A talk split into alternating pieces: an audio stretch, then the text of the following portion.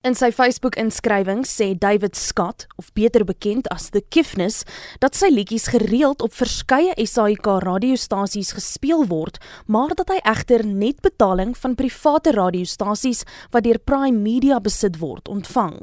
It came to my attention that I was owed royalties for my needle time royalties from SAMPRA. So I kind of pursued that and it was quite a mission to, you know, become a member and tell them that, you know, I'm owed royalties for the song. But eventually it did happen and I got 60,000 Rand for, I think it was about five songs. So I was quite happy with that. I asked for like a, a breakdown of kind of where the, where the money was coming from and they couldn't tell me exactly, but what I know for sure is that not a percent came from the SABC. So it kind of got me questioning, you know, like, you know, why Prime Media paying needle time license fees? Why are small restaurants paying needle time license fees, but the SABC, you know, isn't? And if I look at my radio monitor reports, you know, most of my radio play is coming from SABC stations. So it made me wonder, you know, how, how much money does the SABC actually owe me?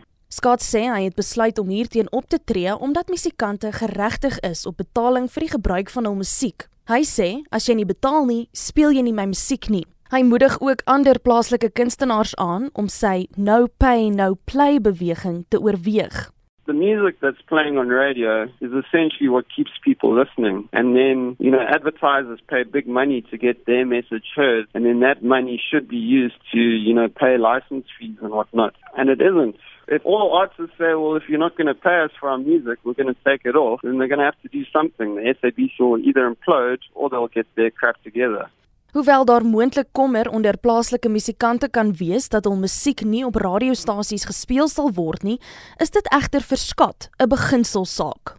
I really couldn't care about publicity if there's if it's not being done the right way. Like I, I don't mind doing something if I know that I'm doing it for free, but you know the fact that there's a legal obligation from the SABC to pay and they're not doing it, I'm going to take my stuff off no matter what that costs me. Because if you want to root out corruption, you got to stand for the right principles. Otherwise, it's never going to happen. I'm not sure how many artists are going to follow suit because maybe they value you know the publicity over the principle. It's a crazy industry that we work in, but I've always tried to stand for the principles above everything else. Scott meen dat plaaslike kunstenaars se belange hierdeur geïgnoreer word. Die SAIK het nie teen sperdheid op versoeke om kommentaar gereageer nie.